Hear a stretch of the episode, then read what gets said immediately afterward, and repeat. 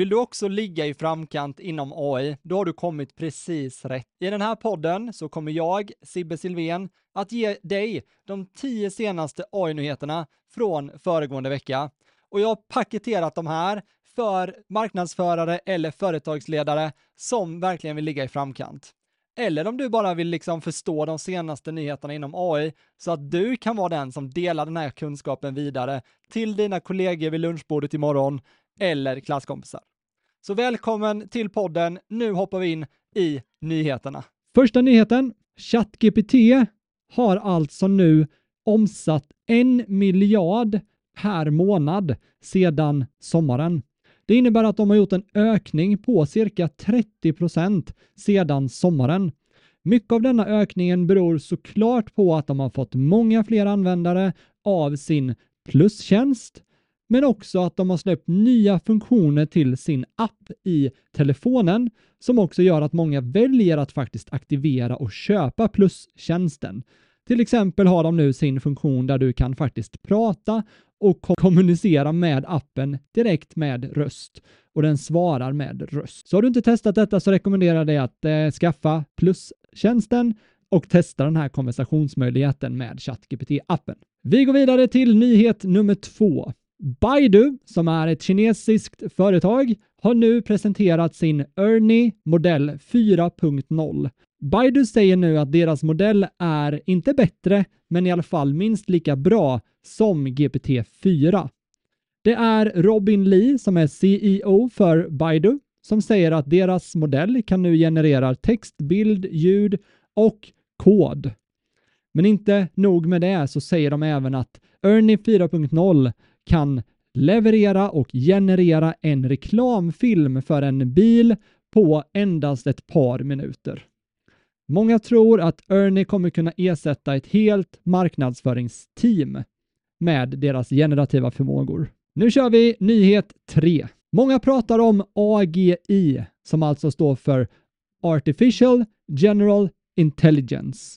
Och det här är någonstans ett mått som avgör om AI är smartare än oss människor och kan faktiskt resonera kring olika typer av saker den genererar. Många säger idag att den inte har uppnått AGI ännu, medan jag tror och ser väldigt många rapporter om att AGI redan är uppnått, men vi användare har inte fått möjligheten att testa de här senaste modellerna ännu.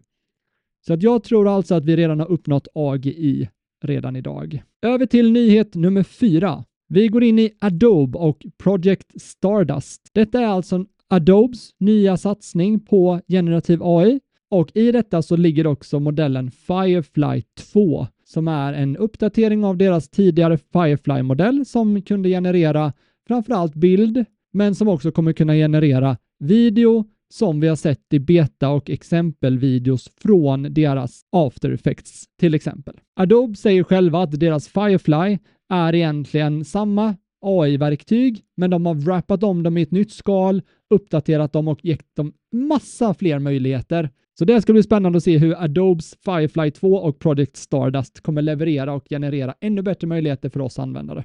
Här kommer nyhet 5. Microsoft har släppt sin kvartalsrapport för kvartal 3 och Satya Nadella säger väldigt tydligt till sina investerare och ägare att de går all in på AI. Satya säger till investerarna att de väljer nu att in inkludera AI-system och AI-tjänster i alla deras olika verktyg, plattformar och system som Microsoft har.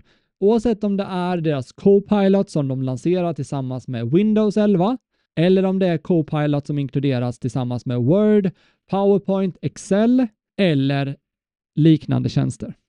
De kommer också såklart att inkludera olika typer av AI-modeller i molnet så att alla som använder deras molnserver, Azure, kommer få möjligheten att inkludera direktkontakter med AI-modellerna. Nyhet nummer 6. Character AI är ett stort AI-system som också finns som en app. De introducerar nu i sin senaste version av appen, om du är plusprenumerant av deras system, så kan du nu ha en gruppchatt där flera människor och flera olika AI-karaktärer kan ha en gruppchatt. Samtidigt som Albert Einstein, Elon Musk och Stephen Hawking är inne och diskuterar ämnet tillsammans med dig och din polare.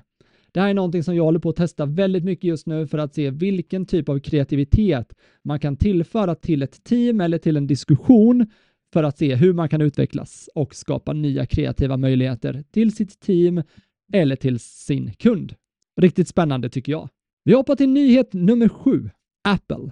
Apple har pratat om AI så länge nu, men vi har inte direkt sett hur de har hoppat på det generativa AI-tåget.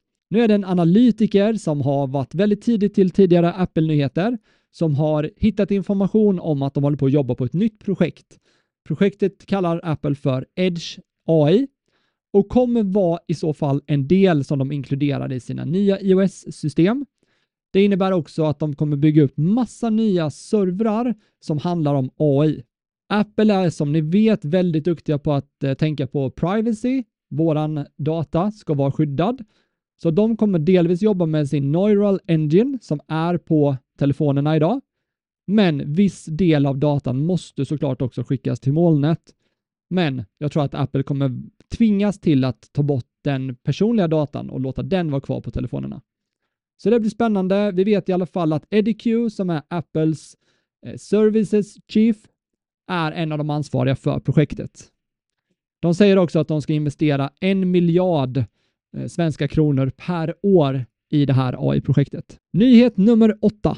IBM, som är alltså den gamla tidens processortillverkare och datortillverkare, de har nu utvecklat ett helt nytt AI-chip. IBM själva säger att chippet är 22 gånger snabbare än det snabbaste som finns på marknaden idag. IBM säger också att deras chip är 25 gånger mer energieffektivt. Chippet kallar de för North Pole och de tror att det kommer vara en väldigt stor avgörande kraft för att både öka tillgängligheten för AI men också att se till att energieffektiviteten hålls låg. Så det blir spännande att se hur den här North Pole-chippen utvecklas. Nyhet nummer 9. OpenAI har nu haft en intervju där deras CTO Mira Murati säger att de håller på att utveckla ett AI-verktyg som ska kunna identifiera om bilder är genererade med deras DALI 3. Murati säger att verktyget är 99% tillförlitligt, men det testas just nu internt. Man kan läsa mer på deras bloggsida och de säger att verktyget kommer lanseras inom kort. Så det ska bli spännande och du får gärna kommentera om du tycker att vi borde ha AI-märkta eller AI-stämplat content i bilder och videos framöver. Nyhet nummer 10. Elon Musk vill alltså kombinera våran hjärna med AI. Elon Musk har ju sitt företag Neuralink och de har nu detta året börjat implementera tester på människor. De har fått godkänt att börja testa på människor. De har redan tidigare gjort tester där, där de har fått apor att spela olika spel bara genom att använda sin hjärna. Inga händer, inga kontroller, ingenting. Och de gör väldigt mycket tester just nu, men deras tech är ganska komplicerad och den har väldigt många risker med sig. Elon Musk själv säger att det här är en väldigt viktig del i vår utveckling, att vi lyckas kombinera AI i våra hjärnor för att inte AI ska springa före oss för långt. Vad tycker du? Borde vi implementera AI direkt i våra hjärnor? Jag ser att det här är en teknik som vi kommer behöva ha lättillgängligt och vi kan inte behöva använda våra tangenter och händer för att de är alldeles för långsamma. Det är den framtiden jag ser framför mig. Det här var förra veckans 10 viktigaste AI-nyheter. Jag hoppas att du tyckte att det här var värdefullt och även att du uppskattade att få det i ljudformat. Vill du ha mer av den här informationen så hittar du hela informationen på min LinkedIn där jag gjort en karusell. Jag skulle också bli superglad om du ville prenumerera på den här podden och glöm inte att rekommendera den till andra som du också tycker borde ha de absolut senaste AI-nyheterna direkt i ljudformat. Tack för att ni har lyssnat på mig. Jag hoppas vi ses snart. Ha det gott nu.